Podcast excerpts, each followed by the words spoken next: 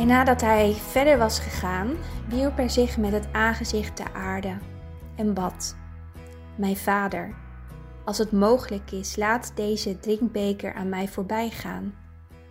Maar niet zoals ik wil, maar zoals u wilt.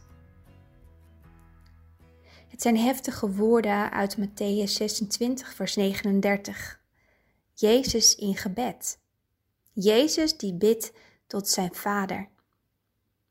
Bidden. Broers, zussen, mijn gebedsleven is niet altijd zo levendig en intens geweest. Maar er kwam een keerpunt in mijn leven. Ik kreeg in de gaten dat als ik mijn dag begon zonder God, dit een dag werd waarin ik niet echt leefde, maar overleefde. Als ik niet iedere dag tijd doorbreng met God, dan vul ik mijn hart heel snel met iets of iemand anders. Mijn gebedsleven is overigens niet een keurig afgebakend moment. Soms praat ik de hele dag met Hem en soms ben ik een tijd stil. Soms is het niet alleen maar praten, maar heeft het meer weg van een worstelpartij of een verhitte discussie met God. En soms loof ik God wanneer ik loop in de schepping. Het zijn gouden momenten.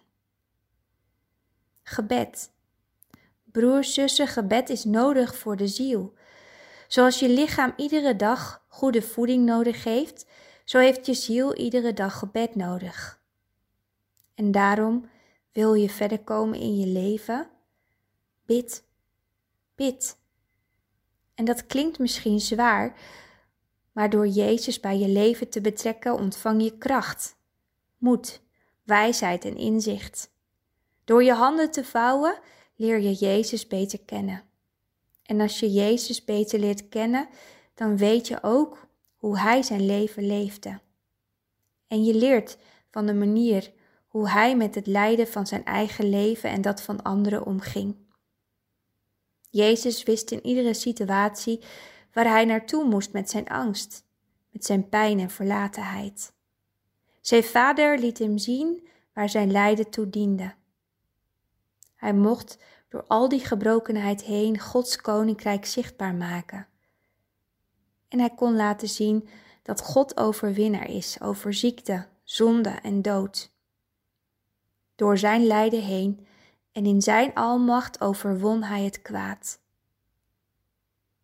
Broers, zussen, zou het kunnen dat ook jouw lijden je ergens naartoe wil brengen?